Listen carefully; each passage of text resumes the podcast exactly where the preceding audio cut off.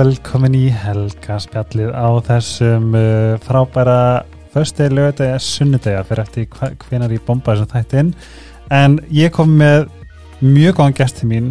Ég byrja að kynna hann þá langaði mig eldsnögt bara að koma í að þátturinn er bóðið Dominos og Sítokjær Sítokjær er uh, íslensk húðvara sem er uh, verðt að kynna sér uh, þetta eru marg verðla, verðlaunaðar vörur og ég þarf verðt að kynna Dominos inn sem er landsmönnum þekkt og uh, bara uppáðs allra landsmanna held ég. Um, varandi Sítokjær þá getið farin á sítokjær.is og notað afsláttakóðan Helga Spjallið bæði með D og E. En í dag er komið til mig gestur sem að ég skátaði eða svona við skátaðum hvert annað á Instagram. En þannig mál með vexti að ég um, uppgötaði eða svona var forvitun um þetta hugtak sem heitir gaslightning gaslightning og Ester Ingvarsdóttir Salfræðingur er komin til mín til þess að spreða sérfræði kunnóttu sinni á þessi málu velkomin. Takk fyrir. Uh, það er mjög skemmtilegt en við eigum alveg smá tengingu en dótti þín Já. sem er hvað, 20 Hún er að verða 24 í nóvumber. já og ég var svo sannfærir um að vera sýsturinnar hvað varstu gömur þátturina?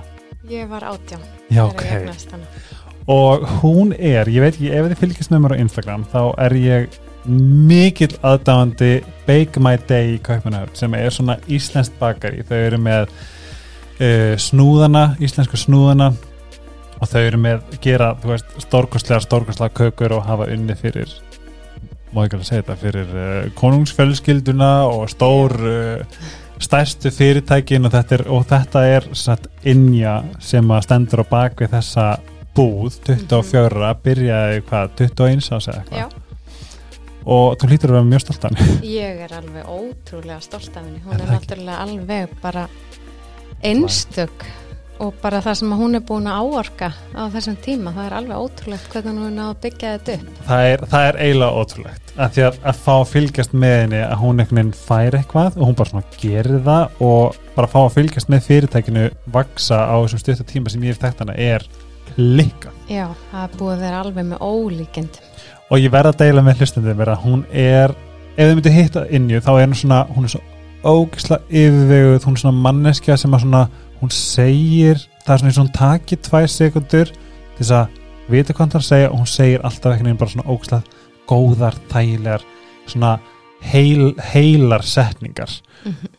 um, hún er með jafnageð á við grjót.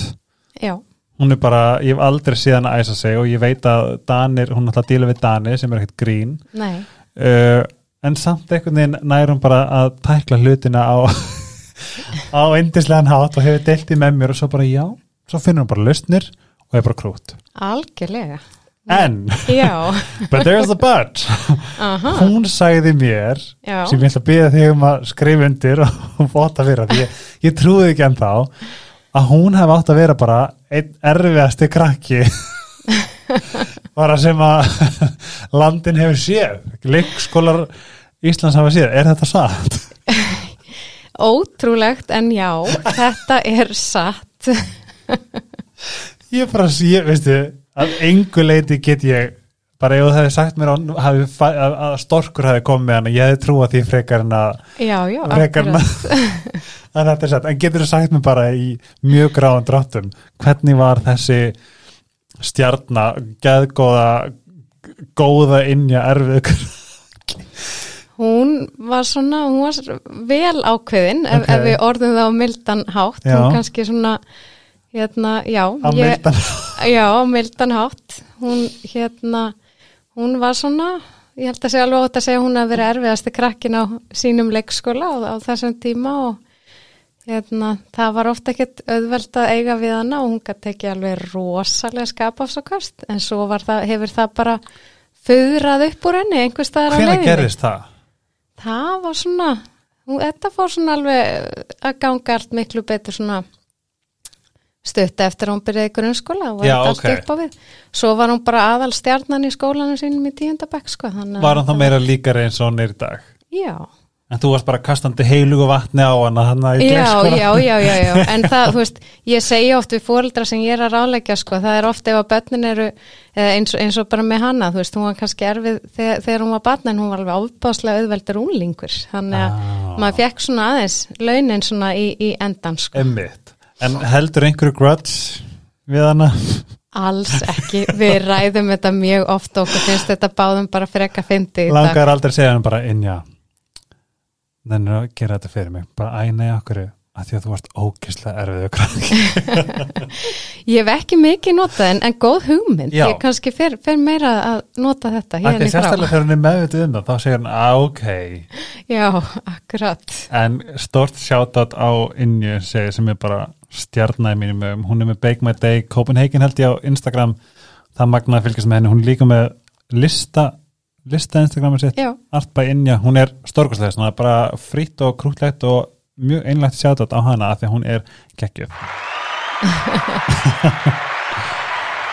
en já yfir í mál málana, mín kæra já, ertu peppuð fyrir þessu þetta svona, hvað er þetta viðfæðsefni? já, algjörlega. Þetta er eitthvað sem ég hef svona haft svolítið áhuga á og, og hérna skoða því að mér finnst það bara ótrúlega merkilegt Mm. fyrir bara í rauninni sem er svo mikilvægt að fólk bara þekki og sem meðvitað um og sem meðvita um, akkurat. að því ég er ég er smá áfalli bara að það sé til að Já. það sé einhver útskýring Já, að því að ég held eins og við rættum aðeins á hann ég held að flestir hafi upplifað þetta og eins og mm -hmm. hafa beitt þessu já, hafa verið vitni af þessu og ekki vita í rauninni hver pinnpunkturinn er. Já, hvaðan kemur þessi hægðun hvað er þetta?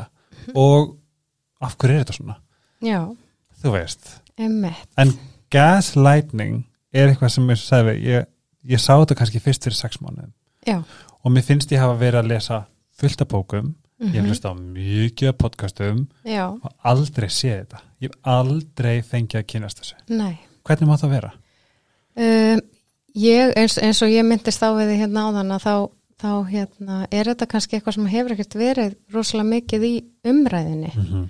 og það er kannski algengar að þegar maður heyri tala til dæmis um andlegt ofbeldi að það sé verið að tala kannski um það svolítið svona á almennu nótum og þá verið bara að lýsa því að ein mannskja sé reyna að stjórna annari en það er oft svo mikið vald í því að vita bara nákvæmlega um hvað er að ræða. Og þess vegna finnst mann svo mikilvægt að fólk kannski hérna þekki þessu hugtök og þannig að það hafi, sé, semst hafi betra tækifæri til þess að átta sig á því að það sé að vera fyrir einhverju eða, eða jafnvel vonandi að einhverju sjáu kannski að þeir séu að beita þessum aðferðum. mm.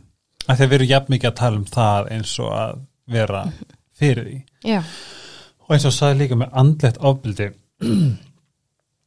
þú heyrir já, hann var að beitina andlega ofbeldi já, einhvers staðar hugsa maður að hann kom heim og kalla hann að kundu já, eða að hann sagði okkur er þetta ekki búin að elda hann að kettling þú veist, eitthvað svona, maður, Já. maður bara með einhverja svona eða öfugt, hvað er þetta búin að elda hann að pungurinn eða þú veist, já, what akkurat.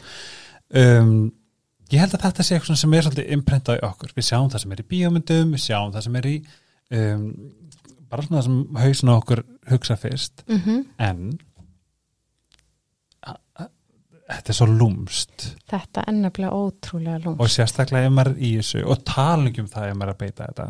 Já, það er svo erfitt að pinpointa þetta. Einmitt, af því að þú ert alltaf bara einhvern veginn að gera þetta besta og gera Já. það sem þú þekkir. Akkurat, þú veist ekki betur. Akkurat. when you know better you do better. Mm my Angelou beaucoup. En getur við sér sagt eða getur við aðeins sagt mér frá svona á já þú veist það, það, það árunni byrja, ég fór meira svo netið. Ég fann ekki sem það mikið um þetta. Nei, það er svona ef að þú getur aðeins svona hjálpa mér bara byrjum á spurningunni. Hvað er er ég að segja þetta rétt, gaslighting? Gaslighting. gaslighting. Já, já. og íslensku Uh, ég hef ekki séð þetta kallað annað en bara gaslýsing. að nýta gaslýsing eða gaslight Gaslighting eigum við ekki bara að sjá hvað kemur Jú, let's go with the flow Já, einmitt. Sko, hérna, gaslighting er í rauninni bara leið fyrir einn einstakling til þess að reyna að stjórna öðrum einstaklingi. mm. Og þetta er eins og varst að tala um mjög lúmst. Mm.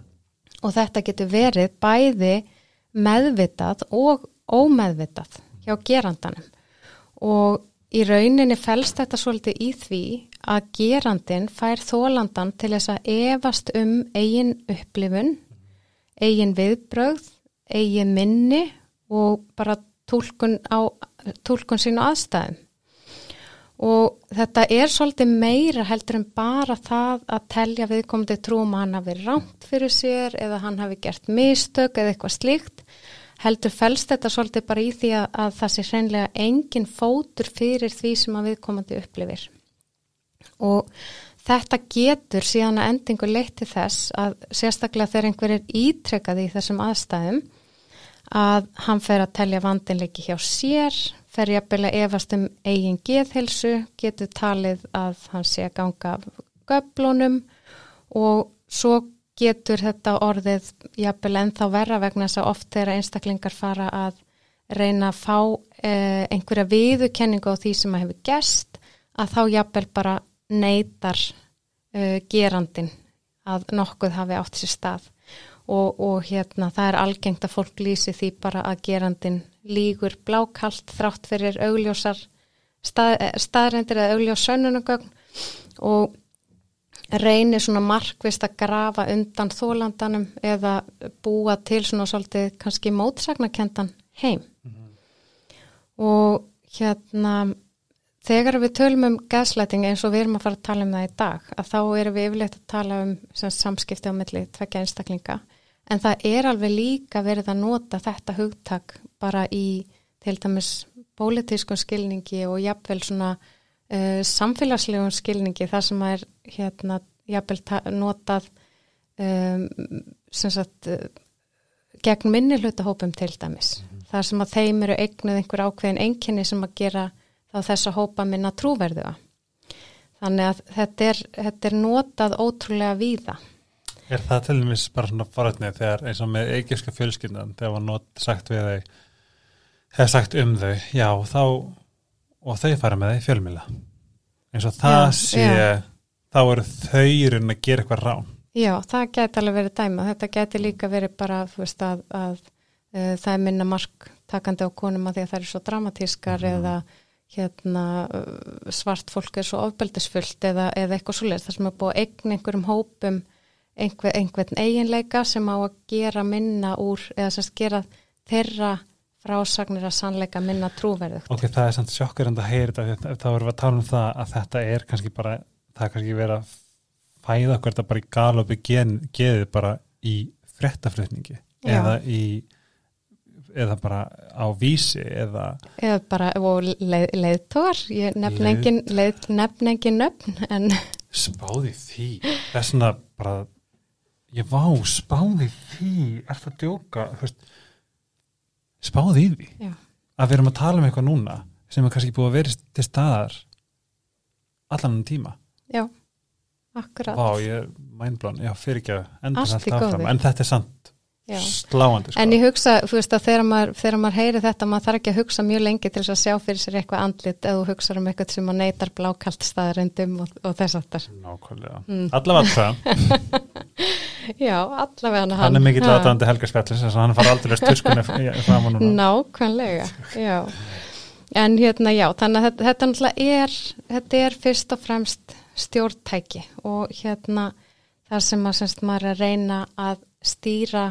líðan eða gjörðum annara og hérna það er náttúrulega yfirleitt þegar maður heyrir talað um þetta þá er svona algengt að hérna þegar, þegar maður er að reyna að gera fólk kannski meðvitað um hvort að það hefur orðið vart við þetta er lent í þessu að þá er, eru svona algenga setningar eins og til dæmis bara uh, þarft alltaf að vera svona dramatískur eða þú ert klikkar eða þarft alltaf að skemma stemninguna eitthvað þess aftar svona sem að eru setningar oft sem fólk kannast við sem að hefur lent í þessum aðstæðum.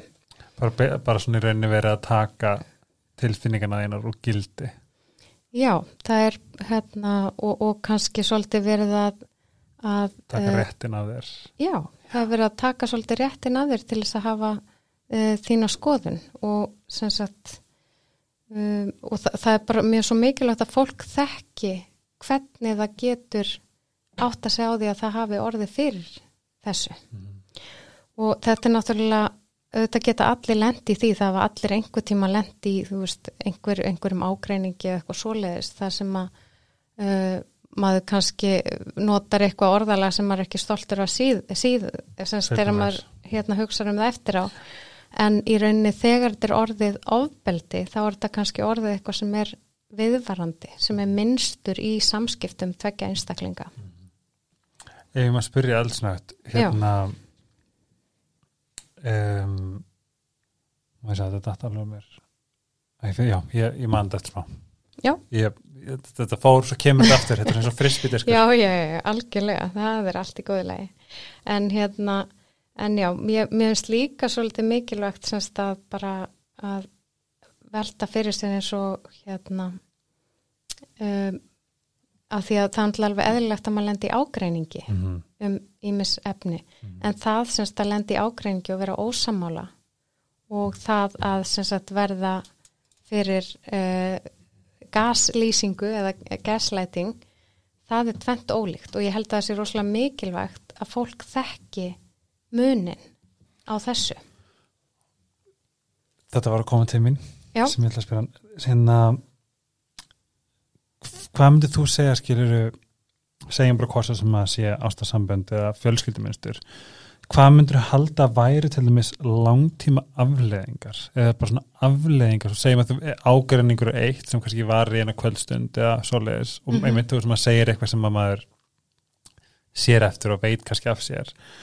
En þegar þetta komið út í hitt daglega líf hvað myndir þú svona þú veist, getur þetta ekki haft sláandi afleðingar bara svona fyrir kannski hann sem er orðið fyrir þessu Jú, bara jú. lengt, eða bara svona veist hvað við Já, já, jú, jú, jú, þetta getur haft alveg mjög langvarandi afleðingar og það er líka sko, hérna, stundum tekur bara langan tíma fyrir fólk bara átt að segja á því að það hafi lent í þessu, að það hafi lent í einhverjum órétti, en það er svo oft þessi fólk situr svolítið uppi með þessa tilfinningu kannski að það hafi lent í einhverju óréttlæti en það næri ekki alveg að setja fingur á nákvæmlega hvað það er eða hvað gerðist.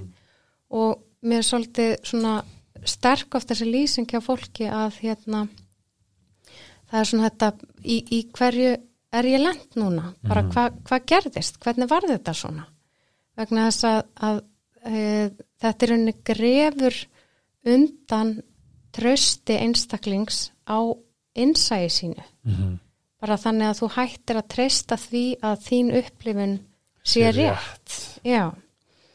Og hérna og þetta er meira að segja fólk sem að þekkir einkennin getur ótt erfitt með að losa sig út úr sem aðstæðum eða bara að jafna sig eftir að hafa lent í svona löguðu.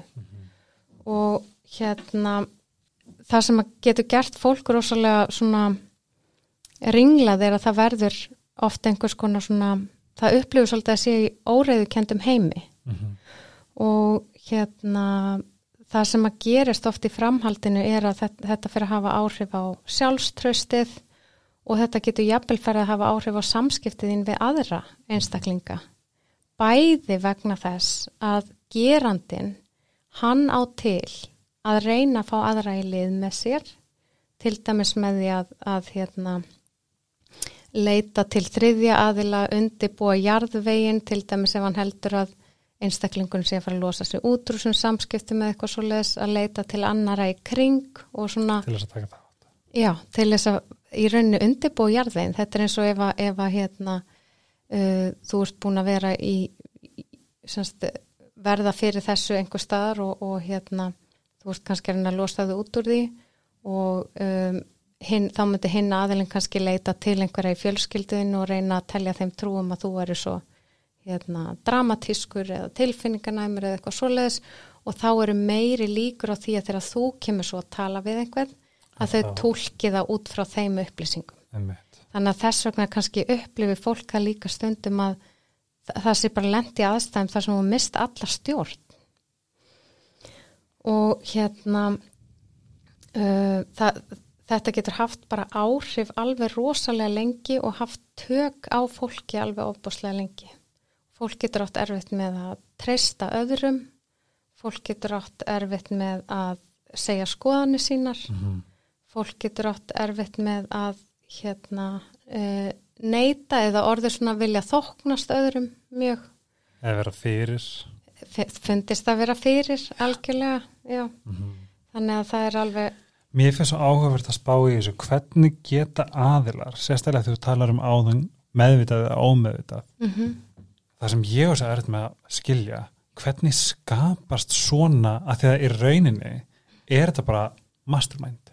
Ef að spáður í því. Já, veit upp á hár hvað hún eða hann er að gera já, og hvernig er geta.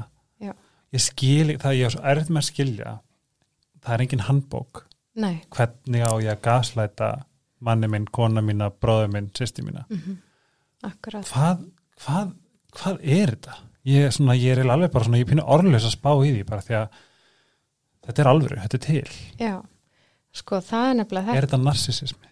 það, það getur í sko, er, þetta tvent er oft nefnt saman Þess að það er fín lína á þetta milli.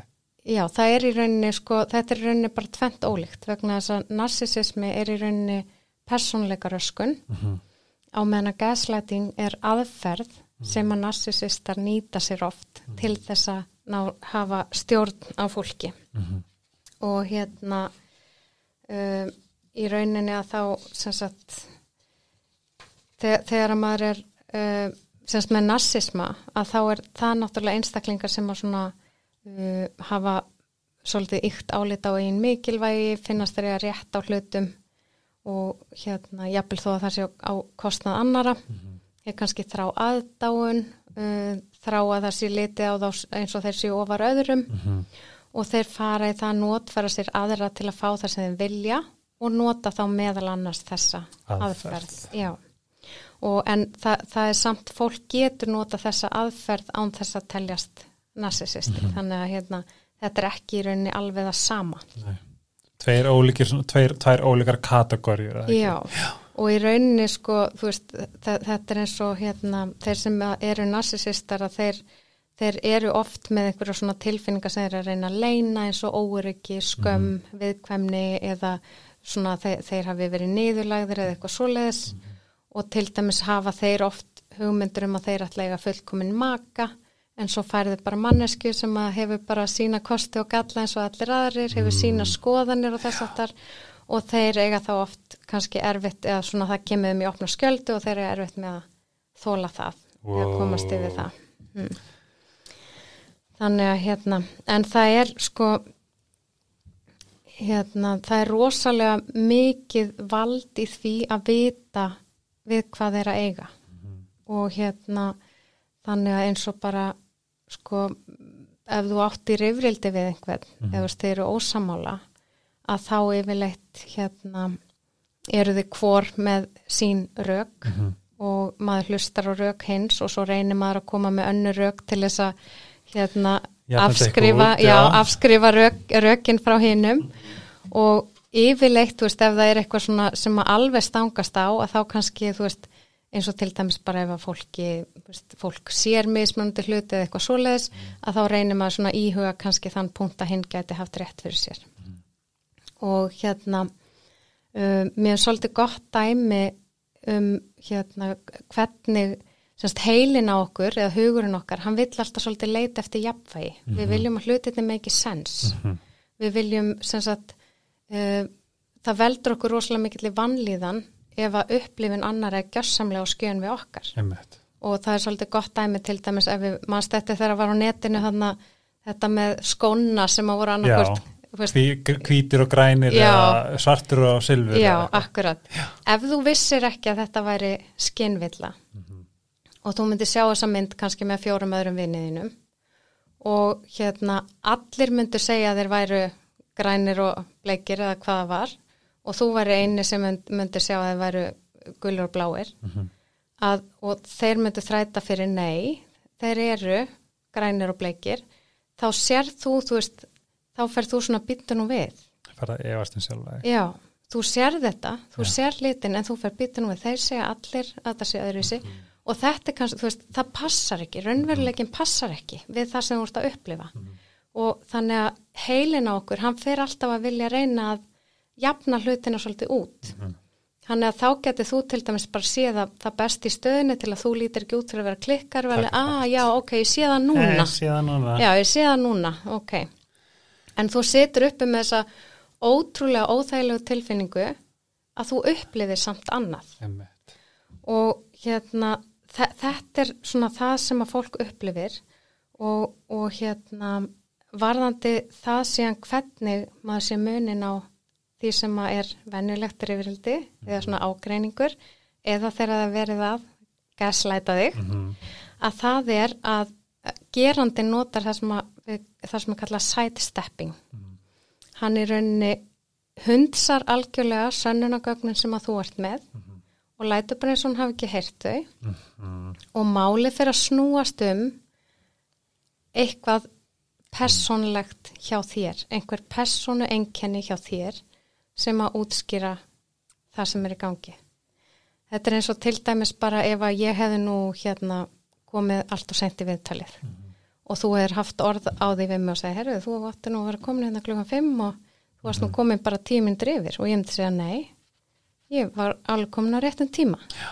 Þá myndi þú sennilega svona, ó, herru, býttu, má ég sjá úrið þitt og við myndum svona Já, bera saman og komast bara að hvort að úrin var eitthvað vannstilt eða hvað var í gangi. Ef að ég var að gaslæta þig, þá myndi ég sennilega bregðast frekar illa við þessu. Ég gæti kannski sagt við þig að þú hérna væri óþarlega dramatískur og þú þurftir, akkur, þú þurftir alltaf að vera svona rosalega nákvæmur og þetta væri nú ástæðan fyrir því að það nefndi enginn að koma viðtal til þín. Skiluru. Þannig að þarna væri ég búin að taka í staðin fyrir að Frá að taka völdin á ég er búin að taka veldin. Já, og ef að manneskjan er ekki knífsterk Mm og vill frekar bara herri, ekkert mál, þú veist. Jú. þá ertu náttúrulega bara þá ertu bara að gefa, þá ymmit er, er, er það ekki bara bensin á að valda bálið hjá, hjá Jú, og það sem er líka oft svo erfitt, þetta er eins og ef maður tekur þetta svona algenga, það sem að maður heyrir oft svo oft þessi setningu, þú er svo dramatísk eða dramatískur eða eitthvað svo leis að það er líka oft það sem að gerist er að þe- þetta verður svona vítarhingur vegna þess að þú ert kannski lendir í því að það er farið að ásaka þig um eitthvað sem að bara veist, lendir í þessum stormi þar sem að þú veist bara ekki hvað er að gerast. Og það sem að gerist náttúrulega þá oft er að þá, þá verður stutt í tilfinningarnar hjá manni, maður getur farið að tárast eða eitthvað svo leiðis og það styrkir viðkomandi í sko, ég sagði að alltaf þarf þú að bræða svona við öllu.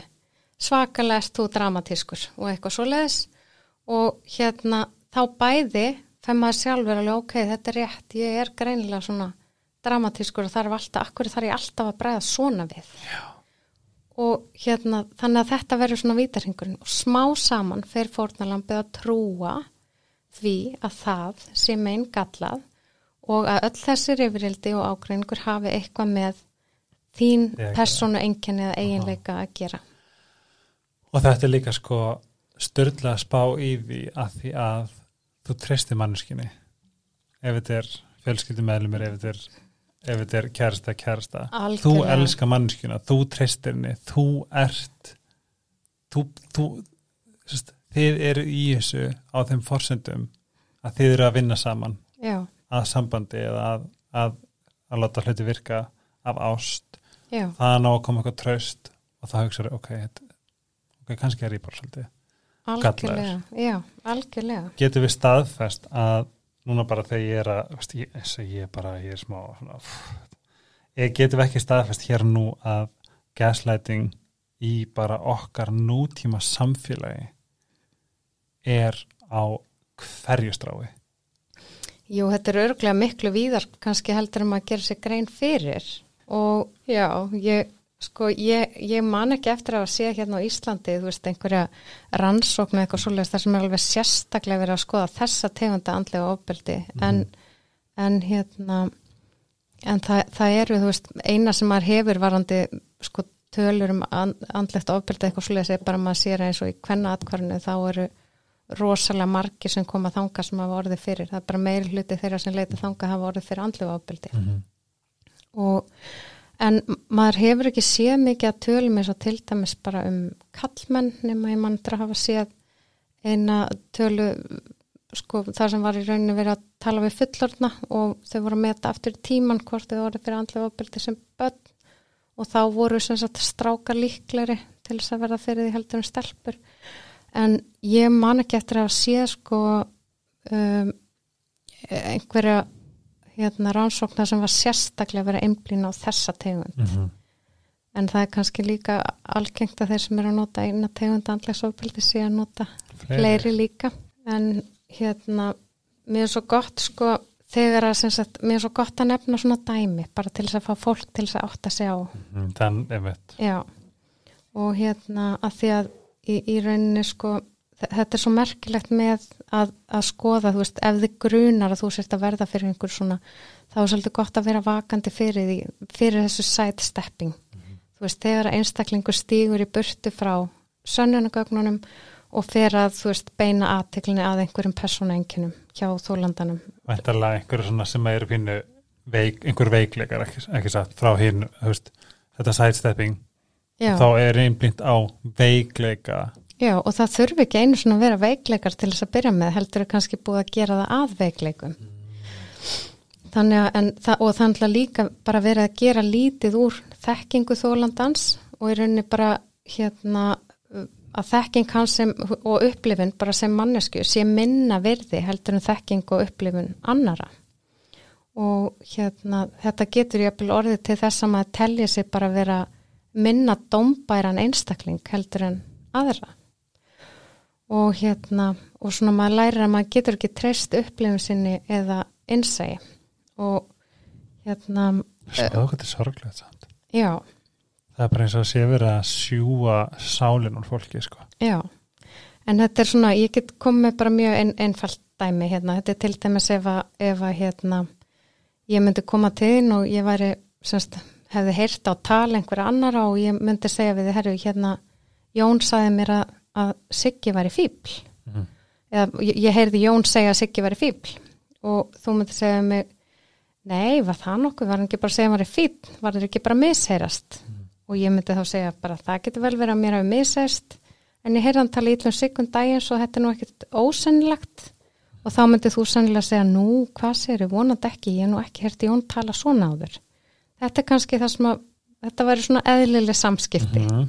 í þessu tilfelli Já, ok, ég vil líka bara svona Já, þetta? Nei, þetta væri svona, þetta væri bara eðlilegt. Mhm. Hérna, ég vona að ég hafa ekki verið fann að láta þig efast um, Já, ég er bara svona, oh my god, ég er ghostlighter Nei. já. Nei, en svo til dæmis ef ég hef komið til þín og sagt þetta sama og þú hefði sagt að mig, nei, það myndi Jón aldrei segja, ég þekk hann og hann talar, talar ekki svona manna fólk. Hann hefur bara sagt að hann var fín, þetta er bara ekki rétt hjá þér. Og ég hefði reynd svona krafs í bakkan og sagt, já, það getur vel verið að mér hafi misist, en ég heyrði hann tala um sigga um daginn, svo að það, þetta er ekkit ósennilegt.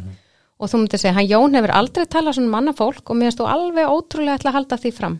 Dæmi gert fyrir þig að vera svona dramatísk og búið til mál og Já, þannig að þarna ertu búin að setja yfir á einhver persóneinkinni hjá mér, típist fyrir mig, verður alltaf að gera svona mikið málur öllu. Og þá er máli allt í hennu farið fari að snúast um eitthvað allt annað heldur en Jón og Sigga. Mm, Þetta fara að snúast um að þú er að efa sjálfa þig Þetta er farið að snúast um það að, að ég sé dramatísk og ég þurf alltaf að gera málur öllu og þú getur bara ímyndaðir hvernig bara- reyfrildi getur spunnist áfram eftir það. um mitt Og- Má ég, Já. ég fyrir ekki það Nei, endilega.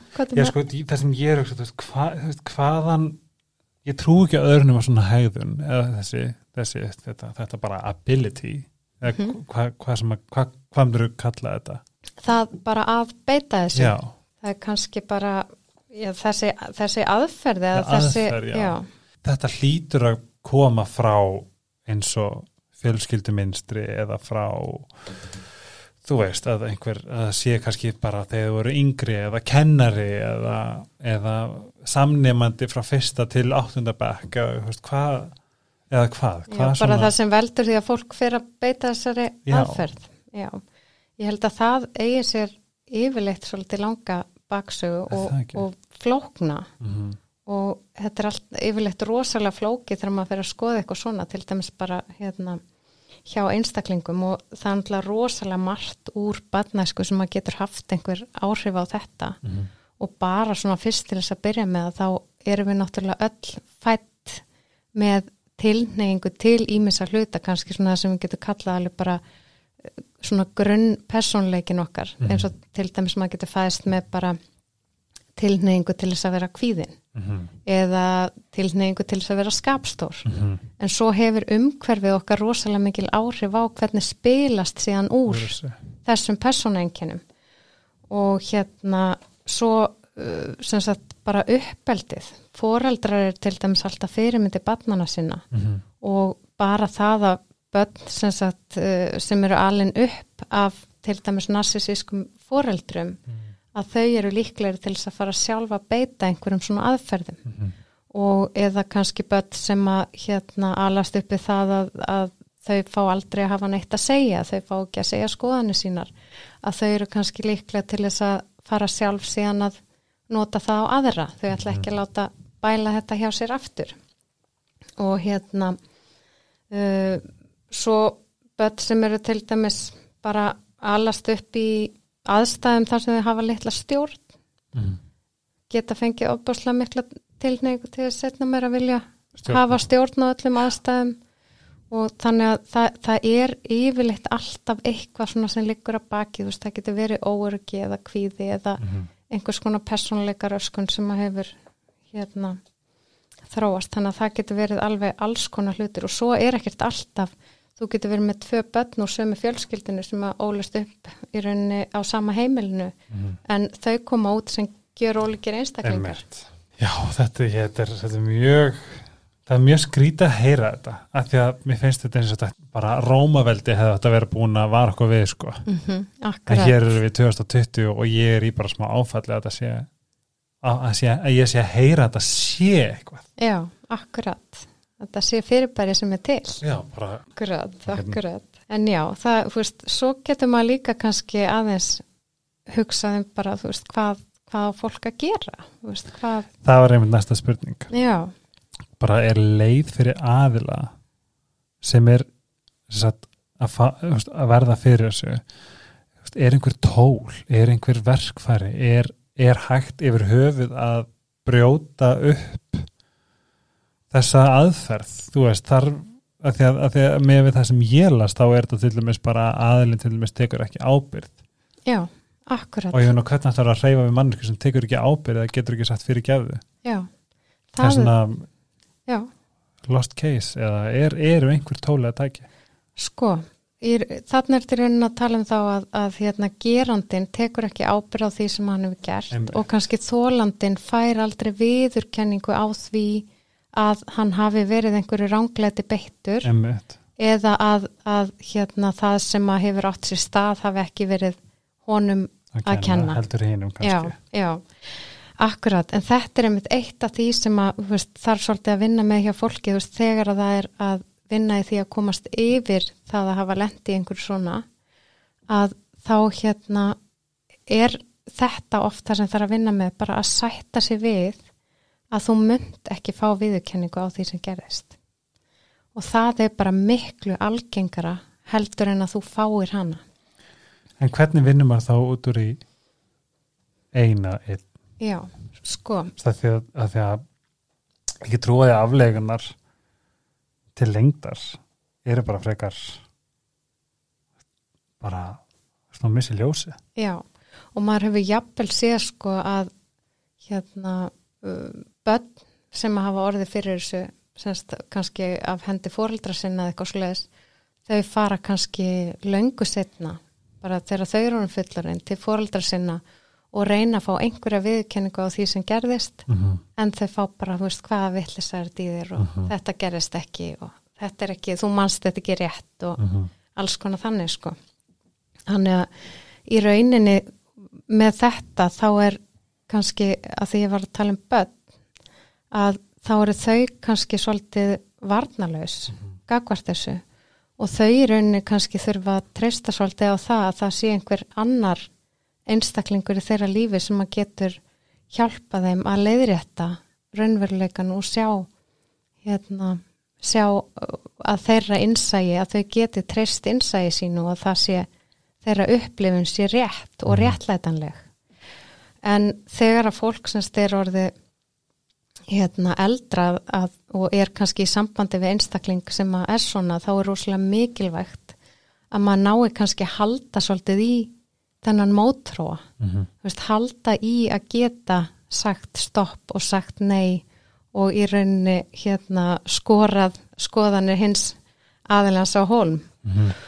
og það er náttúrulega bara rosalega mikilvægt fyrir fólk að leita sér aðstóðar og fá aðstóð ef að, ef að, sagt, að því að þetta getur setið í manni svo ótrúlega lengi Mhm. og það er með þetta sem ég var að nefna með hugan, þú veist, með jafnvægið og eh, réttlætið að það að það hafi eitthvað verið gert við þig sem að þú veist það er rámt en þú færð aldrei neina viðurkenningu, skilning eða réttlætingu á því að það getur verið svo erfitt að komast yfir það Mhm.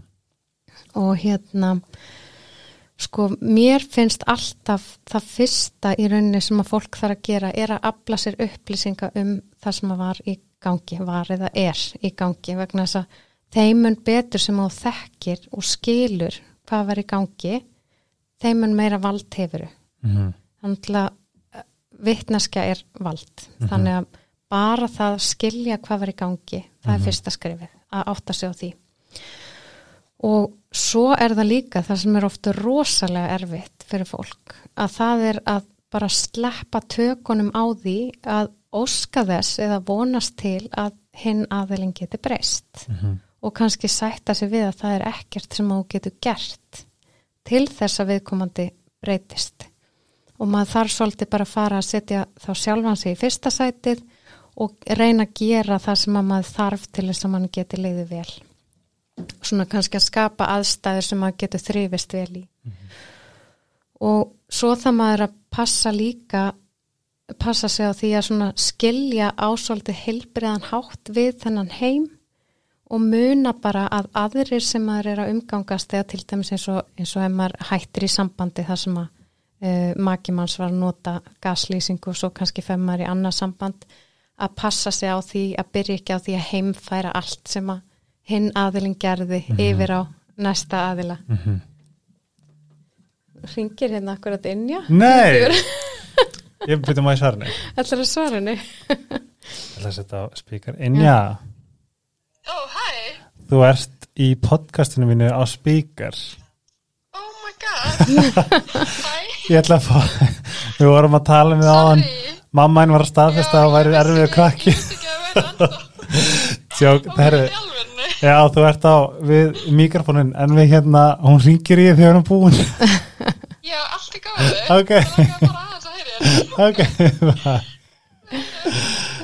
Við lágum hvað að gera þetta í sýstu Já. ringdi ég náðan ekki. Herði, þá er Inja formulega með í podcastinu. Þá er hún orðin með, búið að tala um hana og hún er, hún er með. Tróða sér hérna inn. Já, Nei, tjók, fyrir ekki, við vorum á já hérna, ég var að, var að tala um svona hérna, svona hvað maður getur gert og, og, ekki taka þetta með sér í bara restina af lífinu Já, eða- passa sig að maður fari ekki óvart að, veist, að maður gefi nái semst að treysta öðru fólki, Mhm. að það byrji fólk fái að byrja með 100% treysta, því að Mhm. það er svo erfitt og maður getur sjálfur sko farið að hafa slæma áhrif á samskipti ef að maður er alveg sama fullur formi. ef að, ef að semta í garð annara og Einmitt.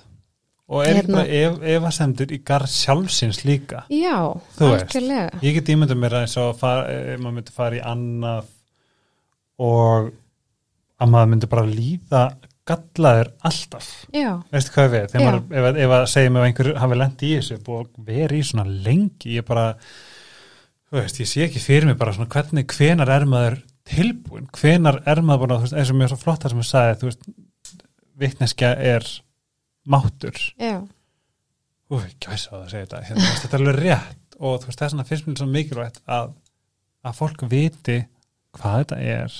Mhm. og það þarf væntalega tíma til þess að vinna úr öllum þessum upplýsingum já og maður þarf líka bara svolítið að leifa sér að sirkja þetta er oft þegar maður þegar maður losnar út úr einhverju svona þá er maður svo uppfullir af bara tilfinningum og, og bara svolítið sorg. Maður þarf kannski að leifa sér að syrkja bara það sem að, sem að lendi í. Það sem að lendi í. Er ekki það líka bara svona, veist, á, svo við setjum label og allt, en, en veist, er þetta ekki líka kannski smá eins og svona þessi Stockholm syndrom, það sem er næstu í háður Jú, að lendi í þessu, maður, maður þekkir næstu ekki annað, já, akkurat. Þetta hlýtur, eða, veist, hvað við, það er eins og maður, þetta er svona eins og hérna er þetta ekki bara eins og bara detox, bara afverðnu Jú, það, það má alveg lýsa því þessu þannig. úr systeminu og einhvern veginn fá að byrja Akkurat, nulli Já, einmitt, þetta er bara mjög góð lýsing að ná þessu úr systeminu. Og bara það getur tekið alveg langan tíma bara að, að ná uh, bara að treysta á sjálfan sig aftur. Finna innsæði sitt og treysta því. Já, finna innsæðis. Hva, hva, hvaða tól gæti maður nýtt, myndur þú segja? Ég held það er alltaf rosalega gott að hafa einhvern nálættir sem þú treystir og sem þú veist að segir þér hvernig hlutinir er í raun og veru. Mm -hmm. Eitthvað sem á getur, Staðfestir bara. já, einhvern sem að staðfestir þinn raunveruleika. Mhm. Í raunina, ef þú efast um sjálfa þig að leita til einhver sem þú hérna treystir og þekkir.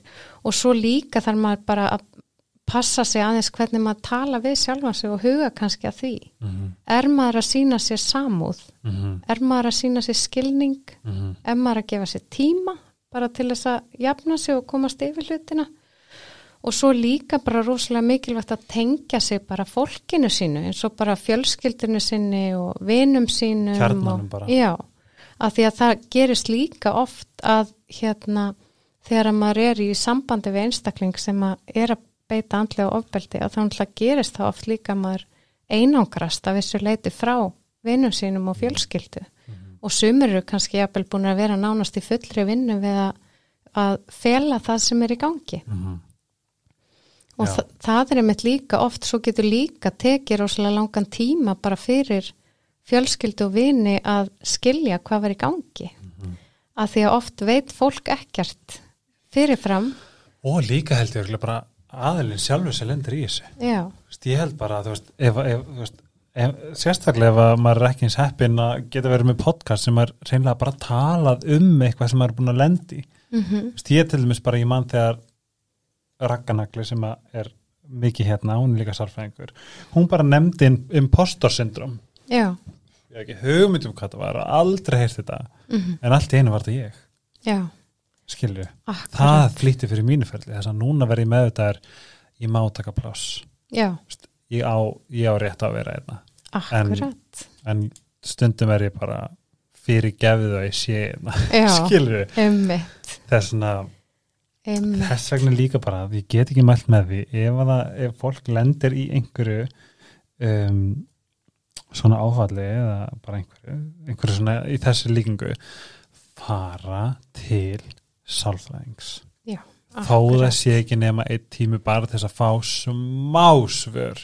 Já, hún get ekki ímyndað mér að sitja með bara einhver særindi andlega særindi og veit ekki hvað neitt er. Já. Veit ekki hvaða punkt á að, að veist, benda á eða hvað þetta er, ég, ég get ekki ímyndum sem betur fyrir bladra í endalust og þarf alltaf að vita allt um allt Já, en mér finnst líka bara svo gott fyrir alla að Mhm. hafa það í huga að það er náttúrulega, maður þarf alla æfi, bara alla tíð að vera að vinna í sjálfu sér. Maður er aldrei útskrifaður úr því. vinnan er aldrei búin Vinnan er aldrei búin og ég held í rauninni sko bara hérna ef að hérna ef þú ert í þeirri stöðu að því finnst að allir aðrir í kringu þig þurfa að leita sér aðstöðar og kannski að öll þín vandamál sé einhverjum öðrum að kenna að þá virkilega mjög líklega já, bomba er bara ná bráða til sálfræðing sko. já, þá virkilega kannski eftir að fara að tekka hvort þú þurfa að líta hans í, í akkurat, akkurat. Já, bara tólin. Tækin og tólin sem maður getur hvað, ég veist eins og segir sko svona þessi hugrannu tól, heitir það Mhm. ekki bara svona verk, verkfæri. Já, hvað getur svona ímyndaðar getur virkað ef maður eftir, eftir svona læti? Já, þó það væri ekki nema bara Já, þá bara hvaða aðferði geta gagnast til þess að hérna, vinna með, vinna sig út úr svona vanda. Það því ég, trú, ég, ég eh, get ekki staðfist það en ég er nokkuð við sem aðra margir sem er að tengja við þetta, Já, gaslýsing. Já, sko, að því að hérna, uh, að því að ég var nú að tala um aðan að maður er alltaf að vera að vinna í sjálfu sér sér. og ég reynir bara að lifa eftir því sjálf, maður er alltaf að reyna að bæta sig og gera eitthvað. Og ég var nú sjálf hérna að byrja á námskeiði Mm. sem að uh, er fyrir fæðila en, en er semst um núvitund og, og hérna samkendi í eigin garð.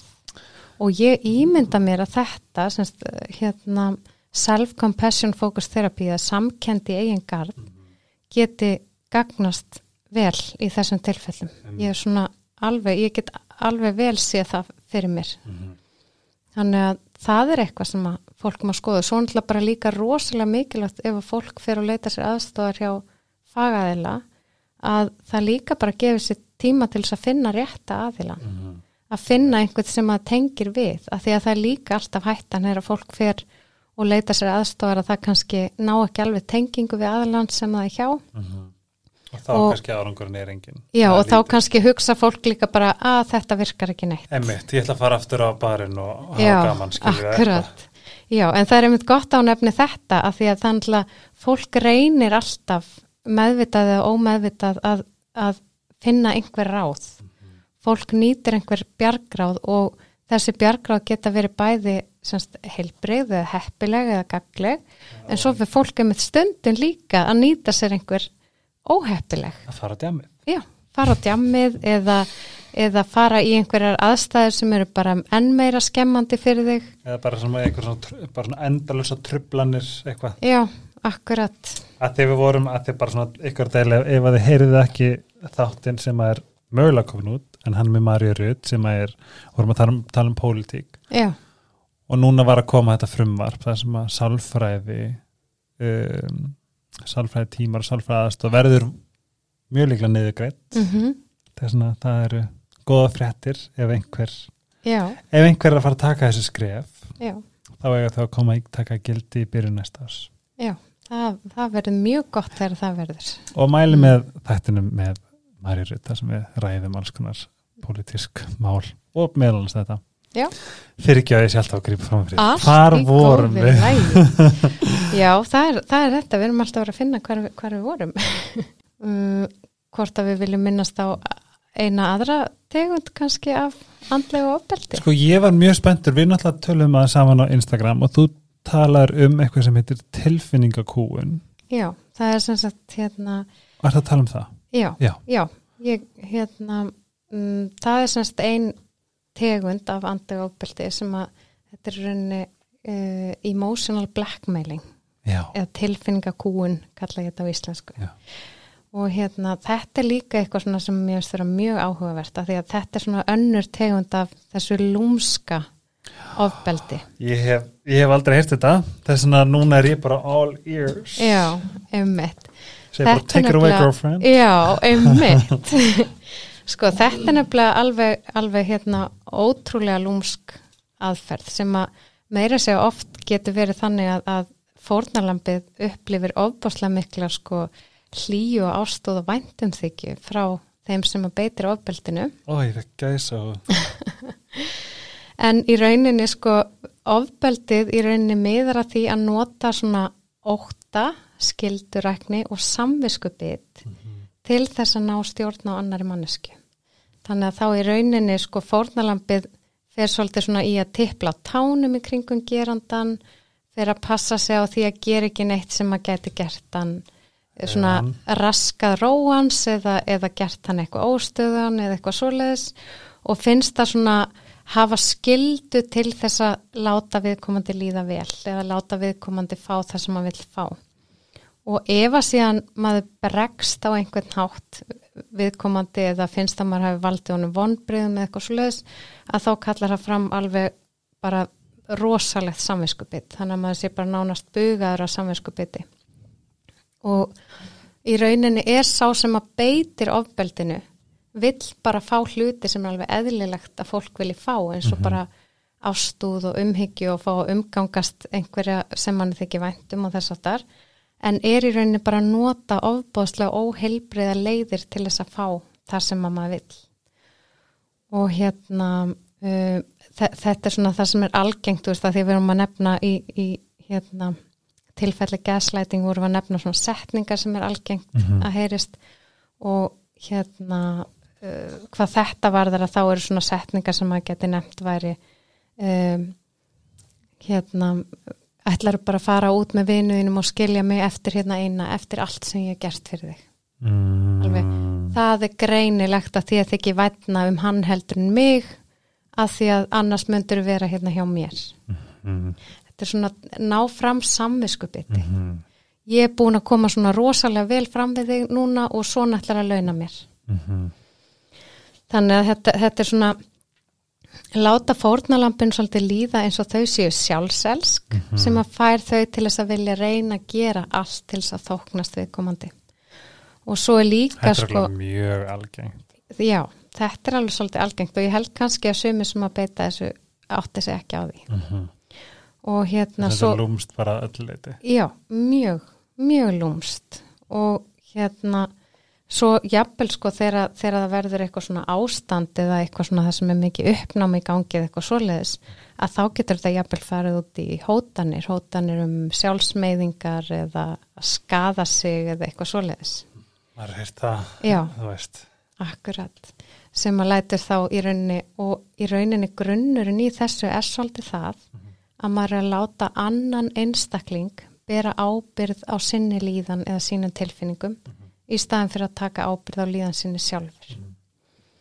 Og þetta er kannski, kannski svona grunnurinn í öllu að alltaf þegar maður er að vinna með tilfinningar eða upplifun, þá verður maður alltaf að vinna með sjálfa sig. Ekki einhverja aðra í kring. mm. Mm. Ú, þú verður að segja þetta aftur að þegar að maður er að vinna með tilfinningar mm. þá verður maður alltaf að vinna með sjálfan sig maður getur ekki breytt þeim með því að reyna að fara að breyta öllum í kringum sig. Music to my ears. Já. Ótrúlega merkilegu sannleikur. En þetta er hérna þetta, er, mér, þetta finnst mér mjög svona áhugavert líka. Ég hef bara svo miklu ágjör um hvað þetta er algengt. Já, Ég finn bara svona, ég finn bara pínu til. Ég er mér kallt Já. Mér er bara heitt í þessu stúdíu í allan dag. Já já, og svo er líka kannski það sem er svona enn meira skrítið með þetta er að svona eiginlega lúmskasta uh, útgáfana þessa, þessu að það er svona kallað það er svona freistari að sá svona sem að notar freistingu til þess að stýra þér. Til dæmis þú ert að fara eitthvað þú veist, þú ætlar að fara frá aðilanum, þú veist, bara að gera eitthvað annað eða eitthvað slis og það er svona ef þú verður hjá mér þá skal ég gera þetta eða hitt fyrir þig. Þá er svona rey- reynt að hérna freista þín til þess að Það er lúmst já, það er mjög Það lúmst það getur lúka krútlega. Það getur lúka krútlega. En er en er, þá er ég samt í rauninni verið að nota þetta til þess að stýra þér mm og breyta hegðunðinni eða hafa stjórn á þér með því að lofa gull og grænum skóum eða eitthvað svoleiðis. -hmm. þannig að, þannig að hérna, það, það er alveg og það getur líka mér svo orðið þannig að þú veist að maður sé alveg bara kæfður í ást og umhyggju Mm -hmm. sem er síðan notað gegn þér þegar þú ætlar að gera eitthvað sem hendar ekki Mhm. hinum aðilanum. Oh lord Já, Hausinn að mér er bara í svo mikið af upplýsingum já, Ég ætla að vona að, að, að fleiri séu bara að taka þetta inn og að þetta er er ekki smá góðar upplýsingar já, að hafa bara í höst, eða bara að höst, þetta er eitthvað svona maður myndi, ég, maður þarf röglega að hlusta á þetta tvisar veistu hvað við? já, já, akkurat. Ú, takk. Þetta var já, Mm. vá erum við ekki, ekki búin að kafir okkar, okkar grundir hvað var þar gaslýsingu? Jú, en ég held líka sko, ég held að sé bara rosalega mikilvægt svona að, að lokum að kannski að benda fólki bara á að ef það sem sagt er að upplifa eitthvað svona því finnist bara nánast eins og jörðin sé ekki alveg stöðu undir fótunum að þér Mhm.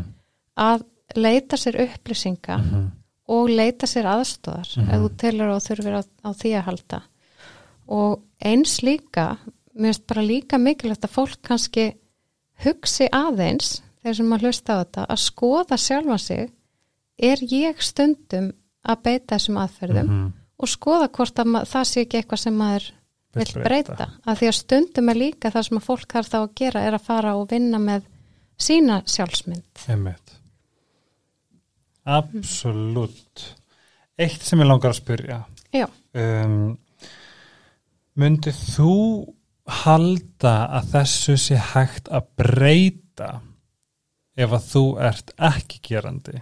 Ef þú ætlar hann að breyta gerandanum? Mundur þú halda að það væri möguleiki? sko það er náttúrulega rosalega erfitt að þvinga einhvers konar meðferð upp á einhvern annan sem að kannski gerir sér ekki grein fyrir Mhm. vandanum eða vill ekki viðkenna hvar að það hljómar eins og það er partur af prógrammet sko. Já, Að það er ekkert að mér. nei, Þú er. Já, Þú tekur þessu nýtla. akkurat, akkurat og þannig að það er eiginlega svolítið sko til þess að manneskja geti fengið hjálp, Mm. þá þarf hún að vilja þykja hjálp. Einmitt. En svo náttúrulega geta, geta komið sko hjá sömum kannski ákveðið tímabili í lífiðinu þar sem þú ert kannski á vondum stað og, og hérna Vilt. þú kannski áttar á til. því setna að þú ert að breyta einhverju fólk kannski gerir það sjálft eða kannski fólk er sjálft búið að lenda í sambandi þar sem þetta er rosalega ríkjandi og Mhm. hérna gerir sér grein fyrir því og átt að sjá því að það þarf sjálft að passa sig og beita ekki sömu aðferðum Mhm. þannig að hérna ég held að sé svona alls konar en það er eiginlega alveg númer 1, 2 og 3 og þú þarft að vilja breytingar Og ég mæli með því. já, Ég mæli svo innilega með því fyrir alla sem halda þið þurfi ekki aðstof eða þurfi ekki að demba sér smá sjálfsvinnu. Do it anyway. akkurat Því ég er bara er- hjartanlega sammála því Því að eh, eins og segir, eins krefjandi það getur verið erfitt og sérstaklega maður er tilfningaríkur þá getur þetta verið mjög erfitt en þetta er allt þess fyrir. algjörlega Nei. Segðu mér eitt í lokin hvernig uh, hvernig ertu að díla við COVID? Hvernig er svona þetta alltaf, hvernig er þetta búið að fara í þig og hvernig er þetta svona að fara í þig? já, Þú alltaf ég, giftið því í COVID, ekki satt? jú, ég gifti mig í júni við vorum bara svo heppin að við ákveðum að halda bara deginum hérna Þriði bara júní. al, tut- 20. júni Ah, já, næstu er aðeins betri en ég meina. Já, en, en hérna við, Guð það er rétt. Inn ég hringdi í mig, þau náttúrulega fóru í, já, já, einmitt, ég vissi það. já Semi. En við, við ákveðum bara að halda deginum og bara hafa gestafjölda eftir því hvernig aðstæðnar yrðu á Æði. þeim tíma. Þannig að við vorum bara ótrúlega heppin. Við lendum akkurat þarna á þessu byli þar sem var svona eiginlega í lægi að Æ, halda visslu. Og hvernig var? Það var dásamlegt. Þetta bara hefði ekki geta verið betra. Æfi. Var Og hvern, en svona, hvernig ert þú svona anda? Nú ert, nú ert þú sálfræðingur. Já, Ert þú, ert þú duglega skilur að, ert þú í þessari vegferð líka? Þú ert bara að vinna í þér, já. þú notar tólin, hvernig til dæmis stílaru við COVID? Sko, í rauninni ein, eins og hérna COVID er nú svona... eh, Lærdómsríkt. Já, það er lærdomsvík og þetta er náttúrulega erfitt auðvitað og, og leiðinlegt að, að þetta skulle verið gangi en Mhm. fyrir mig svona persónlega þá hafði þetta ágætis áhrif Það. Hvernig þá? vegna þess að það sem ég þurfti að gera var að ég þurfti að hæja á mér Mm. og það er, það var rosalega góð leksja fyrir mig Var skvískortur í kulnun? eða? alveg, skvís var kortur í kulnun sko Algjörlega. Ég var, ég var bara, ég var rosalega mikið á uh, ferðaflugi út um allt og, og hérna að vinna alveg rosalega mikið Mm.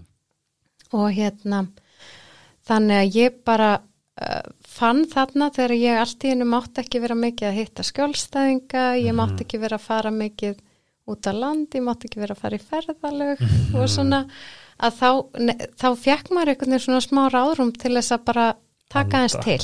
Einmitt. og ég er búin að, mér, eða mér finnst allan ég ætla að klappa sjálfur mér á aukslunum fyrir það mér finnst ég hafa gert það mjög vel. Akkurat, takk fyrir, takk fyrir og þannig að ég er bara til dæmis farin að stunda mér reglulega hreyfingu sem að ég hef ekki, Gert. ekki haft tíma til eða orku. Ert þú að detta 120 þessu dottiðin? Nei, ég er ekki alveg þannig, ég ákvaða að fara, fara að hlaupa, Æði. þannig að ég er, ég er bara að, að hérna, byggja mig upp í því núna, Æði. sem ég finnst alveg æðislegt. Og hvað stjórnmerk ertu? Ég er vasperi. Að það, þú ert loft eins og ég. Æði, þess að þetta þannig séð ég, ég segja líka COVID eins hræðilegt og það er og hvað þetta er búið að taka mikið af mörgum og svona burt sé frá því þá var þetta erfiðasta og óþæginlegasta blessun sem ég hef upplifað. Já, akkurat, ég held ég geti bara verið sammálaður með það. Já, þetta er ótrúlega og, ef, og ég, það er eitthvað sem segir mér að þetta átt að koma, það er einhver meining með þessu, ef að, ef að Guð skapaði plána einhvern tímann í Egiptalandi þá, þá með einhverju meiningu þá hlýtur COVID að vera með einhverju meiningu líka. Já, akkurat. ég veit ekki hvað það var, kannski var þetta mjög skrítin setning hjá mér en ég vonaði að viti hvað er að tala um.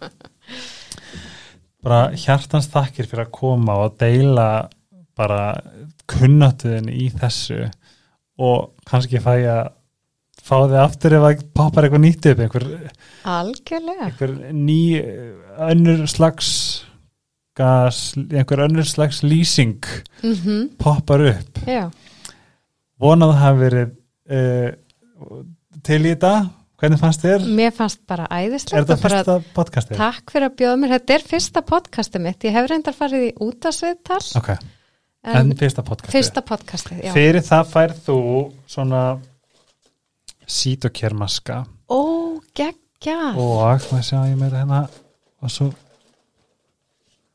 handakrem Æðislegt. ekki að bráðum verið kallt þetta er Akkurat, og maður er að byrja að fá svona gamlar hendur líka, það er alveg nöðsynlegt að- Já, allt veist. sprittið nákvæmlega en þessi maski vann bronsverlaun mm. af yfir 380 merkjum á Global um, Global Makeup Awards.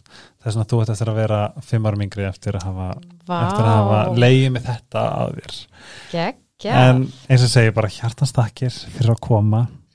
Takk bara fyrir að fá mig. Enn og aftur þessi þáttur var e, í bóði vinna minna hjá Dominos og um, Sitocare Dominos að sjálfsög er með þriðudarstilbóði sem er eh, persónlegt uppahald ég sagði það í síðasta þætti en ég mæli með að smaka Blaze pizzuna, hún er geðveik.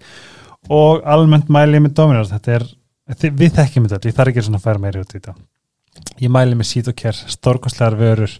Uh, þið getur fengið afslátt á sitocare.is mæli með Instagraminu því að fyrirtæki mitt er að vinna í því. Og bara, þú veist, njótið vel og hjartast þakkir fyrir stuðningin Sitocare og Dominos. Við kveðjum úr No Sirius stúdíónu á í podcast stöðinni. Þeir voru svo góðir að lána mér þetta lokal. Annars segi ég bara bless og passið ykkur á gaslýsingu því that shit is real. Takk fyrir mig, hafið það gott þangur til næst, það nýr þáttur stuhelgi. Bless, takk og bye.